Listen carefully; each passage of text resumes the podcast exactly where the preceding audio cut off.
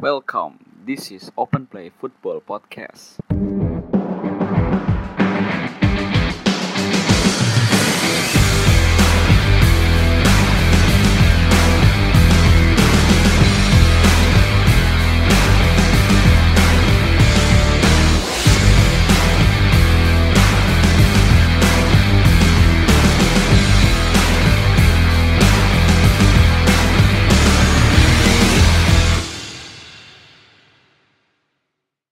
Oke, eh, kembali lagi eh, di Open Play Football Podcast eh, episode baru lah.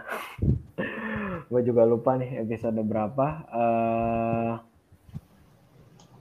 eh, sekarang eh, kita eh, record hari Jumat ya, tanggal eh, 3 Sep- 2021 yang berarti eh, dead, deadline day untuk eh, transfer udah selesai, eh, transfer summer tahun ini udah kelar dan eh, menariknya eh, transfer summer tahun ini eh, itu cukup cukup mengejutkan kita semua ya. Tapi sebelum itu gue mau nyapa teman-teman gue dulu nih. Eh, di sini gue ditemenin sama Vigo seperti biasa. Gimana gue? Kabarnya gue? aman aman masih kendali ya covid di Lampung Gila, gila, gila. Masih COVID di Lampung, Go? masih cuma nggak angkanya nggak terlalu tinggi Oh. kalau di kota ya Aha. Cuman masih PPKM ya di sana ya? ya ppkm-nya ya gitu sih gue aneh juga ya, aneh Nggak, nggak, Nggak- nggak, ya nggak, nggak, nggak nggak ketat ya? iya Nggak seketat Jakarta lah ya. Ya, semoga aman-aman aja lah lu ya. nggak, nggak ada ini. Nah, gue juga ditemenin sama Faiz. Gimana Is? Kabarnya Is? Gila, kayaknya seneng banget. Alhamdulillah. Sehatan. Aduh. Cuman moral-moral di Karawang nih dihapus-hapus ini. Waduh. Aduh, gua takut sih kalau ngomongin pemerintah sih di podcast ini sih. Cuman kita nggak usah ngomongin pemerintah lah, Is. Ya kita fokus ke Iya. MU aja nih, tim kita. Gimana Is? Seneng banget ya, Is ya? Lihat Ya, uh, seneng tahun jelas. Seneng Jelas banget ya. sekali. Sumringnya. Sumringnya. Oke, oke. Sebelum lu lanjut, Is, nih eh, kita langsung aja ke inti topik pada hari ini. Eh, langsung aja. Kemarin baru aja eh, transfer eh, musim eh, transfer summer musim 2021-2022 baru aja ditutup. Gue langsung aja nanya nih, mungkin ke Vigo dulu ya kira-kira eh, transfer terbaik eh, di deadline day kemarin siapa sih kira-kira menurut lo Go? Um, in terms of dari kualitasnya sih ya, inilah Saul lah ada nomor satu ya? itu. Aha. Iya, menurut gua ap- ini apa eh, cukup cukup mengkhawatirkan gitu lini tengahnya Chelsea itu sebenarnya. Karena Mhm. eh, N'Golo tuh udah udah mulai injury prone menurut gua. Main 45 menit lawan eh iya 45 menit lawan Arsenal. Habis itu eh, main lagi 40 menit dan cedera, cedera ankle. Akhirnya sisa Jordi sama Mateo tuh agak agak ya, agak mengkhawatir. Dan datangnya Saul juga menurut gua nambah opsi lini tengah Chelsea yang Saul itu kan apa ya, dari sisi attackingnya dia tuh suka datang dari second line gitu. Dan uh, persentase dia ada di kotak penalti lawan juga cukup bagus gitu. Dan apa dah, agak dari permainan juga agak agak balance sih Saul ini dan yang Hmm. paling kerasa menurut gua impactnya bakalan kerasa itu dari sisi defensifnya Saul sih karena eh, dari apa ya aerial a- aerial ability-nya tuh lumayan lumayan tinggi gitu dari statistiknya juga Mhm. Mhm. Cuman Dan- gue ya, eh, eh, sorry, oh lu mula- masih lanjut lo?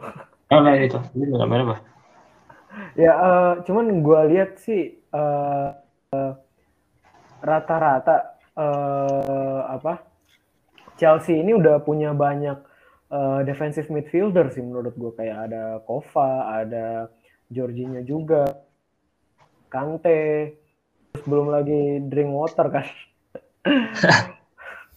Itu masih Motor banyak. dan dia ada di loan. Se- eh, sebenarnya eh, urgensi ba- urgent banget gak sih beli defensive midfielder karena ngelihat eh, Chelsea ini kan banyak banget nih itunya. Selain kata lu tadi kan Kante injury prone, sebenarnya masih masih ada lagi sih. Menurut lu urgent banget gak sih beli Saul? Menurut gua iya ur- urgent banget. Ketimbang dari Jules Kounde ya.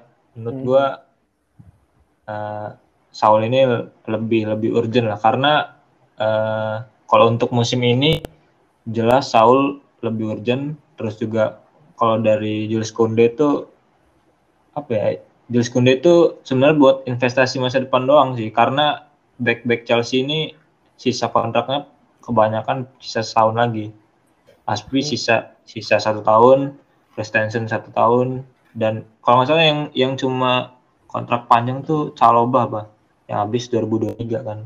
Dan kedatangan ini juga menurut gua good deal karena loan gitu bukan bukan lo permanen walaupun ada opsi pembelian ya yang gue yakin nggak bakal di trigger juga karena sebenarnya eh, di di tengah itu Chelsea eh si Tuchel itu ngincernya Declan Rice Wah, yang harganya eh, 100 juta ya Iya iya iya. Iya iya iya iya. iya. Betul betul. betul. Nah, dan eh, dan yang oke, sorry, sorry gue nambahin sedikit lagi. Dan Oke. kata lo yang kalau kebanyakan DM menurut gue Saul ini lebih ke tipikal yang box to box sih. Dia juga kan bilang kan di kalau di interview yang abis apa uh, official announcement itu dia bikin ini sendiri dia press conference sendiri di Twitch kalau nggak salah. Jadi itu uh, dia bilang uh, kalau gue mainnya uh, lebih main di tengah sebagai box to box katanya yang nyaman ya katanya dia kan pindah juga kan gara-gara um, Simeone tuh sering apa sering mainin dia tuh out of position Mhm, yang iya, di mana iya, iya. kalau nggak salah musim kemarin itu kebanyakan dia main di uh, back kiri gitu kan walaupun Hmm. dia bisa main all rounder gitu cuma dia dia bilang dia bilang sendiri katanya ya gue pindah buat buat refreshing katanya Hmm, hmm, hmm. Oke oke Gitu. oke. Oke. Semoga berkembang lah ya di Chelsea. Cuman gue juga rada nyayangin sih kenapa eh, Saul ke Chelsea gitu. Karena tim gue sendiri juga ngincer Saul cuman jadi ya ya sudah lah ya. Semoga Saul oke-oke aja lah. Nah, selanjutnya kita coba tanya Pak Is nih. Gimana Is eh, deadline transfer eh, dead- deadline day transfer kemarin kira-kira ada yang menurut lu wah gila nih good deal banget nih. Gimana Is? Mungkin gue pakai sudut pandang yang apa berbeda ya, cuman buat deadline days eh, good deal ini menurut gue Atletico sih eh, dengan rejoinnya si Griezmann. Hmm, Soalnya dari segi biaya juga mereka kan punya obligation apa buat permanenin itu sekitar 40-an. Jadi harganya jauh dibanding pas dia pergi dari Atletico gitu. hmm, Terus juga dia di posisi eh, loan juga kan. Jadinya eh, dia eh, si Atletico ini ya cukup menghemat budget mereka, budget transfer mereka gitu. Tapi dari untuk performa sendiri sih dia kan eh, buat di 2009 2020 kan jelas buruk ya untuk eh, pemain pemain termahal ketiga sepanjang sejarah buat Barcelona. Apalagi gaya main Atletico sama Barcelona kan beda gitu. Nah, untuk selanjutnya mungkin Griezmann ini bisa ditaruh di apa role yang dia inginkan gitu apalagi kan dia pernah kerjasama juga sama si siapa? Simone. Jadi mungkin buat good dealnya sih Atletico sih. Oh. si Griezmann rejoin ini. Hmm. Cuman menurut lu uh, dengan datengin uh, Griezmann itu kira-kira uh, chance uh, Atletico untuk juara uh, La Liga lagi uh, uh, ningkat guys menurut lu apa wah ini udah sih juara La Liga pasti Atletico. Menurut lu gimana is? Menurut gue chance-nya lebih besar ya lebih besar tahun ini. Bisa back to back kemungkinan back to back lebih besar. Soalnya kan mereka deep squadnya itu kan uh, cukup dalam ya. Hmm. apalagi dengan kedatangannya Rodrigo Paul terus juga hmm. uh, stok gelandang yang melimpah gitu. Jadi gue rasa uh, dengan adanya rejoinnya Griezmann ini dia bisa nambah daya gedor. Apalagi nanti uh, duitnya sama Luis Suarez gitu kan yang kemarin sempat jadi list top skor di La Liga. Jadi gua rasa dengan adanya Griezmann ini bisa ningkatin chance back to backnya Atletico Madrid. Oke oke oke. Ya, uh, da, kalau dari gue sendiri sih, nih gue juga boleh ngasih pendapat dong. Bisa dong. kalau kalau dari gue sendiri sih itu ya apa uh, Nuno Mendes sih. Gue ngelihatnya uh, uh, pemain muda, pemain wonderkid ya. Menurut gue sih salah satu left back terbaik yang Portugal miliki ya. Walaupun dia uh, dipanggil timnas juga nggak terlalu sering ya. Belum belum pernah hmm. dipanggil timnas senior. Cuman menurut gue ini good deal banget karena uh, Nuno Mendes ini kalau misalnya dia summer tahun depan itu belum pindah dari Sporting Lisbon, gue yakin sih dia uh, bakal uh, direbutin sama banyak klub gitu dan harganya pasti bakal naik banget. Uh, gue juga ngelihat dari struktur pay uh, paymentnya si PSG ke Sporting Lisbon ini cukup cukup oke okay sih.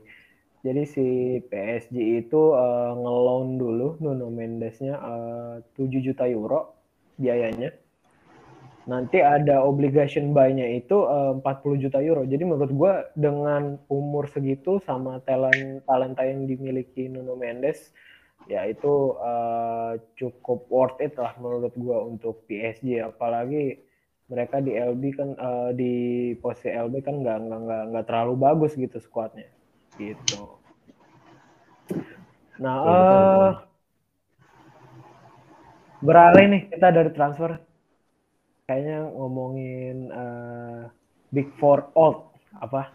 Eh tapi Four yang lama. Gua, gua nambahin bentar dan bentar. Oh boleh boleh gimana? Gua menambahin transfer bisnisnya Chelsea ini menurut gua ya menurut gua tuh bakal bakal apa ya bakal bakal agak beda sekarang yang tadinya uh, banyakkan loan loan army gitu ya hmm. banyakkan minjem pema, apa pemain pinjaman gitu pinjemin ke mana-mana menurut gue sekarang bakal dijual dengan harga yang murah tapi ada buyback. Menurut oh, gue iya, iya. apa ya kebanyakan akademi prospeknya Chelsea yang yang tahun ini ya itu kan banyak yang cabut tuh ada Livramento terus uh, Guehi terus uh, Billy Gilmore loan ya walaupun nggak nggak dijual. Hmm. terus yang terbaru nih si ini si siapa namanya uh, Tino Anjarin itu ke Lokomotif Moskow di loan dan ada opsi pembelian. Tapi kalau ada apa kalau Moskow dia uh, nge-trigger opsinya bakal ada buyback 30 hmm. juta masalah dan itu bakal bakal jadi apa ya, model bisnis baru mungkin menurut gue karena di 2022 itu uh, kalau nggak salah UEFA tuh ada peraturan baru soal apa ngelon ngelon pemain apa pemain sih? Karena di, di hmm. dikurangin kuotanya. Yang tadinya tadinya banyak gitu jadi jadi enam apa delapan gitu. Dan itu bakal bakal ngaruh jadi model bisnisnya Chelsea sekarang sih. Hmm. ya kalau kalau kita lihat kan loan arminya Chelsea itu bisa bikin satu satu tim plus cadangan ya. Banyak banget dan dan bikin dan bikin management Chelsea juga apa ya sehat aja gitu keuangannya. Iya iya iya iya. iya. Oke sih mungkin mungkin ke depannya banyak klub yang bakal niru dengan gaya kayak gitu juga sih. Iya. Kalau apalagi ngikut apa dengan regulasi FIFA yang yang eh UEFA yang baru itu mungkin strategi klub-klub bakalan berubah juga sih Hmm, hmm, hmm, betul betul betul betul betul betul. Nah, eh,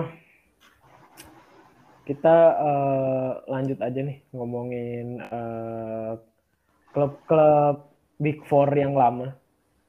Ya lama. Soalnya gua nggak tahu nih sekarang Big Four yang baru itu siapa aja ya.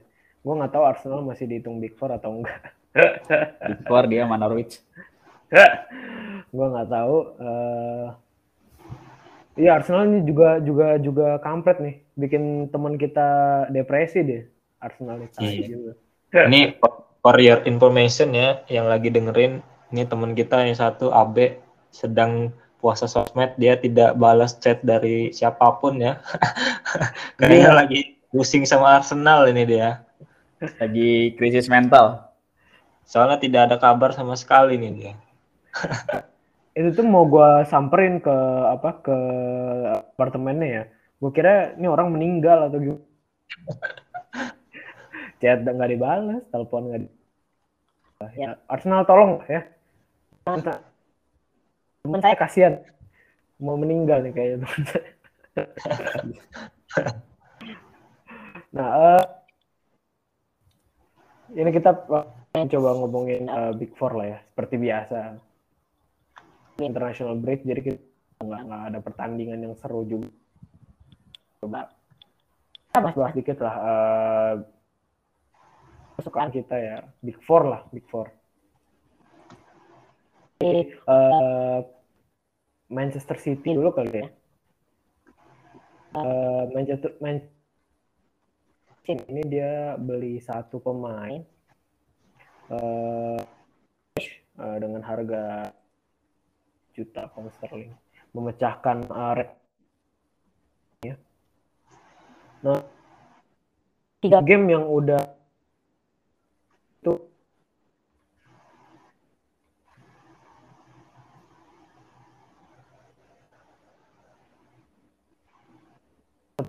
Tottenham lalu menang lawan Norwich dan menang lagi satu lagi lawan siapa ya? bentar, eh, Eh, Norwich sama itu Arsenal. satu lagi menang lawan sama Arsenal ya. ya dan Skornya sama-sama 5-0. nah, Eh, menurut lo, eh, Gok,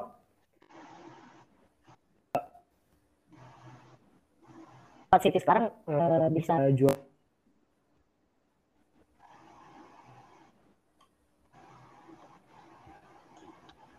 ini kayaknya Ada di mungkin squad Iya, iya.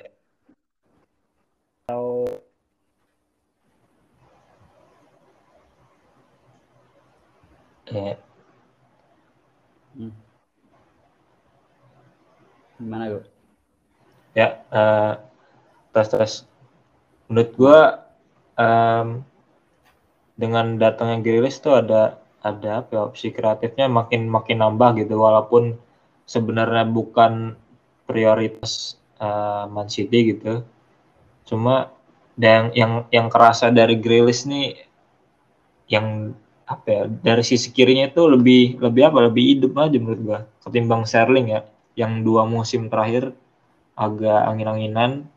Dan yang gue highlight juga satu pemain dari City itu yang berubah role-nya itu Gab Gabses apa Gabjus dia jadi winger sekarang dan dan udah nyentak berapa asis ya? Kalau nggak salah dua apa? Dua asis satu gol. Iya dua asis satu gol dia main di winger dan kelihatannya lebih nyetel ketimbang dia main di striker. Dan yang paling gue tunggu eh, comebacknya KDB sih. Bakal jadi kayak apa sih di mainnya? Eh, KDB ada Grealish dan juga Gapsus dan Ferran Torres yang jadi striker. Itu bakal eh, menarik buat ditonton lah. Apalagi dengan apa eh, nggak hanya kreatif kan dia juga ngincer apa wingnya ini kan ngincer wingnya lawan kalau misalkan si Grealish main jadi lebih punya opsi lah ya buat ini serangan Nah, kalau kalau sendiri melihat transfer eh, dari Big Four ini Man City kan tadi udah bahas. Sekarang klub lu sendiri ya, gimana? Kalau menurut gue sih ya kekurangannya itu aduh ini fatal banget sih. Soalnya kan dua match itu kan udah rasa buka aibnya. Udah kebuka aibnya lah apa yang dibutuhin Iya. sebenarnya. Ya DM sih. DM itu apa pengaruh banget. Soalnya kan eh, dia tuh adalah kayak lapis pertamanya ini kan eh, pas fase defense. Jadi gua rasa mm, di tampakannya dua match yang kemarin itu udah apa eh, manajemen tuh harus berbenah loh. Oh ini loh yang harus di signing musim ini harusnya. Tapi mereka eh, bersyukurnya dengan rejoinnya Ronaldo itu nambah lebih nambah ke mentality aja sih. Jadi menurut gua kan di Premier League kan nggak selambat temponya nggak sekenceng inilah. Kayak Serie A juga nggak sekenceng ini kan Premier League. Jadinya dengan perbedaan tempo ini ya si Ronaldo dengan kembalinya Ronaldo menambah mentality dari squad MU sendiri sih. Untuk Sancho, Sancho ini baru dua pertandingan jadi gua rasa nggak ini masih perlu dilihat jauh lebih jauh lagi apalagi baru starter kemarin kan baru starter sekali. Sisanya dari bench jadi gua rasa ya untuk Sancho masih nanti sih pandangan gua untuk Varane Varane sendiri udah kemarin tampil solid terus juga nyiptain satu assist gua rasa lebih apa lebih tenang aja De Gea buat di defense defense ya di CB center back ya. Tapi menurut, menurut kalau gua ya, gua tuh eh, lebih lebih ngeri ketemu MU sih gua daripada Man City. Kalau Chelsea, Chelsea ketemu MU gitu. Jadi ketimbang Hmm. lawan City karena MU tuh ada apa? Ada ada faktor X-nya aja gitu. Ada selalu ada ada ada aja gitu yang yang yang bet gitu. Kadang kadang di Pogba, eh, Rashford, terus juga yang sering tuh gue tuh yang paling ini tuh Daniel James sih. Menurut gue tuh itu yang pemain MU yang paling apa ya ngerepotin lah menurut gue kayak Hmm. kayak Werner lah. Kayak Werner work rate-nya tinggi. Walaupun aspek yang lain nggak nggak terlalu Terlalu ya. iya cuma apa eh, dia tuh repotin aja gitu. Dan kalau kalau City tuh gua gua ini tuh apalagi udah udah tiga kali kalah kan sama Tuchelnya Chelsea gitu. Benar. Dan gua rasa nggak ada nggak ada faktor X-nya aja gitu yang yang jadi pembeda gitu. Karena mainnya tuh terlalu terlalu rigid dan harus yang passing passing passing passing gol passing passing passing gol kalau MU tuh kayak ada ada apa faktor S-nya itu aja tiba-tiba ada counter lah tiba-tiba uh, free kicknya masuk atau uh, Pogba tiba tiba-tiba ba- main bagus dan passingnya oke gitu. Hmm, Mungkin kalau permainannya kayak big big bignya big team kan rata-rata eh mainnya attacking ya lebih ke attacking ini kan. iya iya Gua rasa kan oleh kan ngincer transisi tuh biasanya. Nah di, di situ kadang ininya kalau lawan low block, aduh, lawan low block ancur-ancuran. Malah bingung sendiri kalau lawan low block. Tapi eh, buat City sendiri sih kan dia the system ya, nggak Iya. adaptif gitu. Jadinya kalau Chelsea kan kemarin juga lebih adaptif taktiknya si Tuchel. Pas mereka apalagi mereka keluar 10 orang kan. Jadi lebih Iya, fleksibel iya. aja sih si Chelsea ini. Terus by the way, ini Eh, eh, buat Chelsea sendiri gimana kok? Lu udah cukup puas belum? Kalau Chelsea udah udah sangat sangat puas lah gue karena eh, transfer targetnya itu udah udah tercapai gitu. Yang Hmm. pertama eh, datangin Lukaku, datang eh, number 9 gitu ya, striker murni gitu dengan jual Tammy Abraham yang dengan kata gue tadi model bisnis yang baru Yes. dijual 40 juta dikasih buyback 8 80 juta gitu terus eh, dan nambahnya apa ya, dua dua pemain kan dia situ eh tuh lagi siapa Em, Lukaku sama. Saul kan Saul. Tuchel juga udah bilang kan katanya uh, gue nggak nggak cuma nyari pemain berdasarkan statistik dan di permainan tapi juga attitude dia dan kita lihat dua-dua pemain ini kan habis habis juara nih berarti ada ada ada moral moralnya lagi lagi tinggi tingginya gitu dan hmm. dua-duanya sama-sama bilang di interview mereka uh, bakal bakal pengen pengen bantu Chelsea juara terus juga Saul juga bilang uh, musim ini Liga Inggris bakal bakal jadi sangat kom kompetitif dan dia bilang juga dia uh, mas masuk klub yang paling paling chance-nya paling besar buat buat juara. Benar. Gue juga iri sih, paling iri ya sama Chelsea, apalagi dengan deep deepnya squad yang sekarang, mereka punya lebih banyak opsi gitu untuk apa uh, taktiknya si Tuchel. Apalagi kan kalau Tuchel kan selama ini kan dia tuh pelatih hebat, cuman masalahnya ya sama manajemen doang. Iya. Yeah. Manajemennya Chelsea yang mau nurutin semuanya maunya pelatih menurut gua bakalan terbantu sih buat jadi pesaing gelar iya, iya. dan gue baca juga di interview dia di Telegraph apa Guardian gitu gue lupa hmm. uh, dia bilang ya ini uh, klub terbaik yang yang pernah gue tangani katanya. Dia dia dia sangat walaupun baru tujuh bulan gitu dia dia senang gitu dengan nggak apa ya nggak nggak terlalu banyak direcokin gitu kerjaan dia. Jadi fokus aja ngelatih dan dan skuadnya nggak nggak terlalu banyak diusik sama manajemen yang nggak kayak hmm. waktu di PSG ya. PSG kan ada rumornya kalau uh, squad yang squadnya kadang yang milih tuh boardnya manajemennya gitu-gitu ada ada titipan lah istilahnya yeah. yeah. yeah. apalagi di, di, dari Jerman kan dia juga gitu ininya juga yeah. bentuknya mau manajemen juga di med, di men sama si di Dortmund juga kan. Iya. Yeah. Itu gara-gara ngejual Dembele sama Dembele. Mungkin uh, bisa jadi apa? Uh, chance-nya lebih gede lah buat dapetin Premier League. Terus lu ada pandangan ini Big Four yang lain? Arsenal or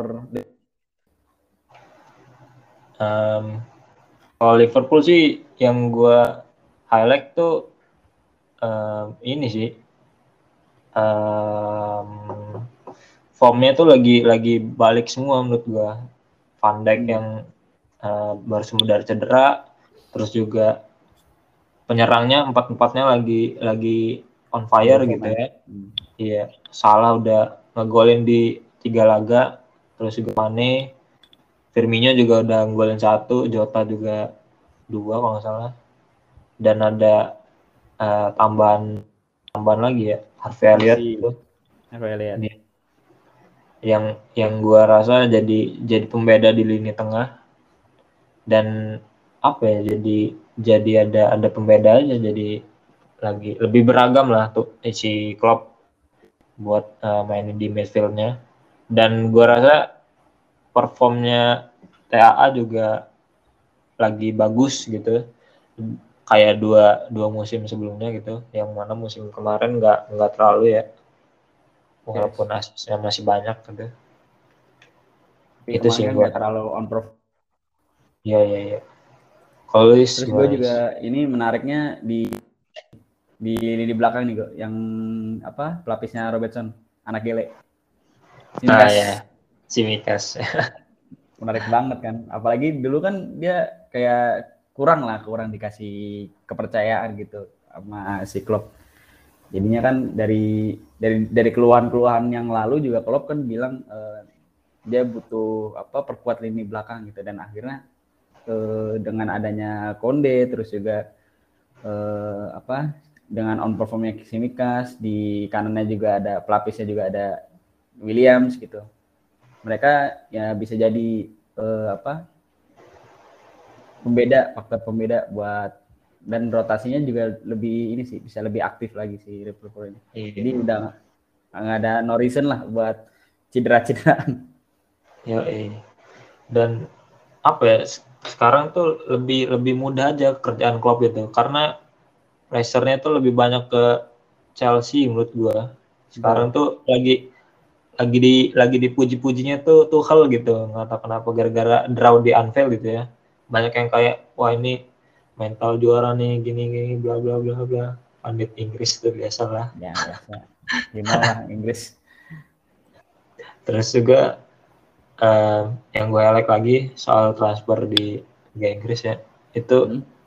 model Arsenal tuh itu apa ya apa kacau aja menurut gua pemain dibeli tuh apalagi dia biggest spender gitu kan di transfer window ini Ya, 100 135. 135 juta yang kalau lu beli dua pemain world class aja itu bisa improve banget di tim lu gitu kan Hmm. taruh lalu eh, beli bek kanan yang proper gitu sama yang butuh dia kan eh, kreatif midfield- midfielder kan Ya. yang di mana udah ada Odegaard akhirnya dibeli lagi apa di, dibeli kan walaupun musim kemarin juga nggak nggak terlalu keruh ya Nggak terlalu ya. Tapi buat aset masa depan ya bisa jadi inilah. Cuman gue bingungnya di kepala si Edu nih apa gitu yang dipikirin. Mereka apa beli Tomia menurut gue stats di dulu Cagliari kalau nggak salah. bolanya Iya. boleh Oh bolonya ya, sorry mirip mirip. Di bolanya juga nggak terlalu ini gitu, biasa aja gitu menurut di statusnya si Tomiyasu. Dan gua rasa kalau mereka lebih smart, si Edu ini lebih smart buat ini, mungkin dia bisa beli apa back yang proper buat ininya kan permasalahan katanya dari dulu eh, defender terus sama attacking tadi kan attacking midfield.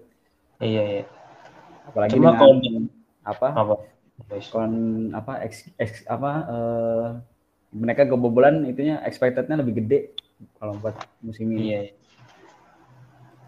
Dan apa ya? Gua ngelihat Arsenal tuh kalau dari datanya tuh yang sebenarnya defense-nya tuh nggak nggak terlalu ini sih, nggak terlalu nggak terlalu apa, nggak terlalu bermasalah gitu. Hmm. Yang masalah itu kan kreatif apa created chance-nya itu kan eh, sedikit kan. Betul. Yang di mana cuma dari cuma dari ngandelin uh, Smith Rowe sama si Odegaard yang mana musim kemarin juga biasa aja gitu kan nggak nggak nggak terlalu nggak terlalu yang wah banget gitu Hmm. walaupun Odegaard di dipuji-puji sabar apa sebagai salah satu nomor apa wonderkid nomor 10 terbaik gitu kan Iya, iya. yang mana nggak nggak terlalu nggak terlalu improve Arsenal gitu Hmm, hmm.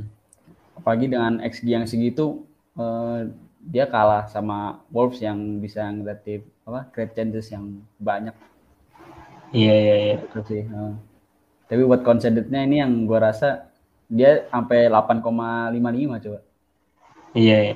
pas Yang- di Premier League. Kacau. Yang yang anehnya lagi eh, nggak ada desas-desus ini ya bakal diganti juga ya. Iya. bakal karena gua gua baca di The Athletic juga eh, ya board manajemen ya bakal ini aja bakal bakal sabar aja karena ini project jangka panjang katanya. Ya walaupun gua nggak tahu eh, kalau kalah, kalah lagi gimana nih katanya. Ya kan Iya, Apalagi apalagi sampai apa win probability-nya apa satu persen dari dua laga yang si iya iya kemarin.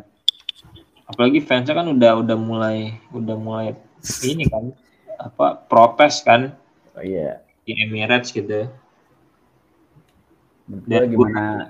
Gimana? gue yakin juga ini sih apa kalaupun ganti pelatih juga apa aneh aja menurut gua nggak ada yang nggak ada yang ini aja nggak ada yang pas aja menurut gua kayak misalnya Conte gitu kan. Conte oke misalnya lu eh, bayar Conte sanggup nih musim ini kan. Ya Iya. jalan jalan nih satu musim. Tiba-tiba tahu tahu sendiri lu Conte kan demandnya gede kan musim Iya. depan. Nggak- diganti apa nggak diganti nggak apa nggak nggak dikasih kemauan dia. Tiba dia cut putus kontrak gitu kan. Ya udah project lu jalannya setengah lagi mulai lagi dari awal lu kan Iya sih. Figur-figur ini ya, figur penggantinya nggak ada yang cocok ya. Terus Iya, juga iya. Ji- Zidane juga kan kemarin coba ngandelin ini doang kan. Kemampuan ability-nya ini, pemainnya doang. iya Dan gue yakin gue nggak mau juga sih dia. Iya. Daripada pusing udah ada botak ya kan udah pusing. Udah megang UCL tiba-tiba di ini berjuang di ini degradasi. Ngeru- ngerusak CV boy. Kalau di LinkedIn bintangnya satu tuh. Yo eh. Mungkin itu aja kali bahas Hmm. bahas Arsenal udah sekian ya. Ngomongin Arsenal mulu. Supporter lagi kena mental. Aduh. Oke mungkin bisa ini ya. Eh jadi tadi kan kita sudah apa bahas dan segala macam dan menurut gua ya mungkin transfer di musim ini menurut gua eh, crisis in the era yang pernah gua alami gitu. Dengan perginya dua god Messi dengan era yang baru terus Ronaldo yang ciptain nuansa nostalgia ya ini interesting transfer era sih transfer saga. Apalagi dengan kemarin di deadline day kemarin dengan eh hampir ngeprank cuman untungnya nggak jadi De- akal-akalan itu tuh, akal-akalan agennya. iya kalau-kalau agennya cuman paperwork doang kan. Padahal tinggal di ini formulir tinggal diisi gitu. Oke kita lanjut ke next ke pembahasan selanjutnya. Dengan berjalannya tiga match di Premier League ini eh, masih masih belum masih awal lah masih bisa yang di apa yang di dasar klasemen masih bisa ngejar menurut gue eh, Big Six atau mungkin eh, apa siapa sih yang bakalan bakalan apa menangi gelar Premier League untuk musim ini atau mungkin lu ada pilihan yang lain Apa pre- prediksi 1 Premier sampai League. 6 nih? atau sampai enam Satu sampai enam ya. Gua eh, satu udah pasti tim gue sendiri lah. Chelsea. Oke. dengan squad yang lengkap gitu ya. Dan manajer apa eh, Tuchel juga adaptif gitu adaptif eh, soal taktik. Jadi gua menjagokan tim buat juara. Terus juga gua mungkin ke lebih ke MU ya. Gua kedua MU ketiga gua Liverpool tempat City. Itu enggak itu feeling feeling gue aja sih karena itu tadi nggak ada ah, nggak ada faktor X-nya aja gitu City walaupun karena kayak kayak burnout aja gitu pemainnya gitu. Menurut gue ya. Benar-benar. Di sistem kan ya sana iya. Ya ke lima. Leicester lagi ya menurut gue Leicester ke enam juga. Ke enam West Ham paling menurut gue itu diem-diem tuh Moyes tuh boleh juga tuh. Tiba-tiba tiba-tiba dia peringkat dua kalau nggak salah sekarang ya. Iya Apa- kayak itu deh iya kan dia. Itu itu sih gua. Satu sampai enam gua prediksi gua itu. Oke. kalau lu Is, gimana is? Kalau gue cukup ini sih, cukup yakin dengan tim gue sendiri ya, apalagi dengan datangnya Ronaldo yang punya mentalitas juara, otomatis dia nggak mau pasang target yang rendah juga. Terus dengan apa, gue yakin walaupun kekurangannya di DM tadi mungkin nantinya bisa, semoga Fred ini bisa konsisten lah sampai akhir musim. Ya kalau nggak konsisten ya wassalam juga sih sebenarnya yang kan di permasalahan yang di DM tadi tapi semoga ya di posisi-posisi yang lain bisa menutupi pokoknya dengan daya gedor yang seta yang apa selengkap itu sekaya itu. Mungkin oleh bisa mainin opsi-opsi yang lain. Untuk kedua sendiri sih itu tadi yang peringkat pertama MU terus peringkat kedua Chelsea sih. Gue sebenarnya kebalik sama lo cuman eh, apa eh, feeling gue Chelsea ini ya jadi pesaing kuat sebenarnya. Jadi ini kan apalagi dengan tadi yang udah disinggung di awal, uh, disinggung mulai juga eh, dengan apa deep yang lengkap tadi, terus juga eh, apalagi dengan pilihannya si Tuchel sendiri, ini ngebuat dia tuh jadi kandidat lah, kandidat eh, apa raksasanya Inggris. Terus buat yang ketiga sendiri, gue milih City. Karena walaupun tadi apa eh, nggak ada faktor X-nya tapi kalau di sistem dia walk terus dia bakalan ini sih jadi pengganggu lah untuk apa ngerebutin gelar. Tapi buat yang lain sih sebenarnya kan kalau City ini kurang adaptif aja mainnya. Jadi kalau misalkan mereka eh, ada yang main apa ngincar counter attack dia kadang juga kelabakan juga. Apalagi dari kemarin kan eh, ininya counter attack. Terus buat eh, keempatnya jadi Liverpool karena mungkin kalau menurut gue sih Liverpool ya apa eh ini mungkin takutnya ya takutnya burn out di tengah-tengah gitu. Apalagi dengan minimnya mereka apa belanja tapi nggak menutup kemungkinan juga mereka bakalan ngerebutin ini sih posisi atas. Terus untuk yang kelima kelima ini Leicester ya. Leicester mungkin mereka udah tempatnya gitu. Tempatnya buat apa periode-periode sekarang. Periode mereka setelah ini diambil alih sama ini pengusaha Thailand. Mungkin emang tempatnya di lima or four gitu. Tapi gue yakin mereka bakalan di lima sih. Lebih yakin di lima. Terus untuk yang terakhir terakhir ini mungkin gue rasa Spurs ya. Apalagi dengan datangnya Nuno dan mereka cukup meyakinkan sih tiga match ini.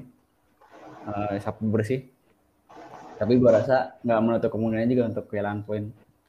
Tapi buat transfernya sendiri ya menurut gue ya ada pilihan terbaik dari si Nuno sendiri sih kalau ketujuh Conference League Conference kan ya tujuh ya Ya, conference.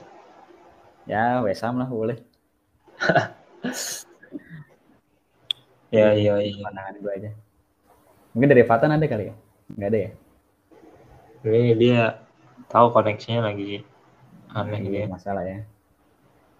Mungkin tadi apa eh, prediksi ya, prediksi mungkin ada kalau apa kurang tepat ya namanya juga prediksi ya kan. Ini berdasarkan feeling aja ini. Yang aja Tidak melihat tidak melihat data ya, sorry. berdasarkan feeling ya. Ya, iya. Mencak-mencak gitu kan. Ah, soto lu. Ya, ya mencapai sih, makanya kan ya. kan ini aja pendapat aja. Yoi. Ya kalau benar juga alhamdulillah ya, Go.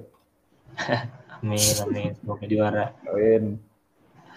Oke, eh dengan tadi dibahasnya prediksi dari Big Six, ini eh nggak menutup kemungkinan tim-tim lain bisa membuat kejutan. Mungkin buat Big Six, Big Six out, eh, Aston Villa or Newcastle mungkin bisa ngasih kejutan buat eh, raksasa ini Big Six yang sekarang. Habis itu tadi transfer udah kita rangkum. Terus juga apa eh, transfer dari Big Four-nya Premier League juga kita udah bahas. Jadi gua rasa eh, cukup sekian untuk pembahasan kali ini. Mungkin gua terima kasih kepada Vigo dan Fatan. Terima kasih Go. Thank you, thank you. Thank you, Is. Oke, terima kasih ke Fatan. Eh, sorry, wifi-nya putus katanya. Apa janjian ini? Stres gara-gara nggak ini, nggak designing DM-nya. Aduh. Oke, mungkin sekian buat malam ini dan jangan lupa dengar terus Open Play Football Podcast dan juga follow Instagram kami Open apa Open Play Podcast yang di mana nantinya bakalan update terus tentang konten-konten sepak bola. Kalau ada saran dan kritik mungkin bisa DM di Instagram kita.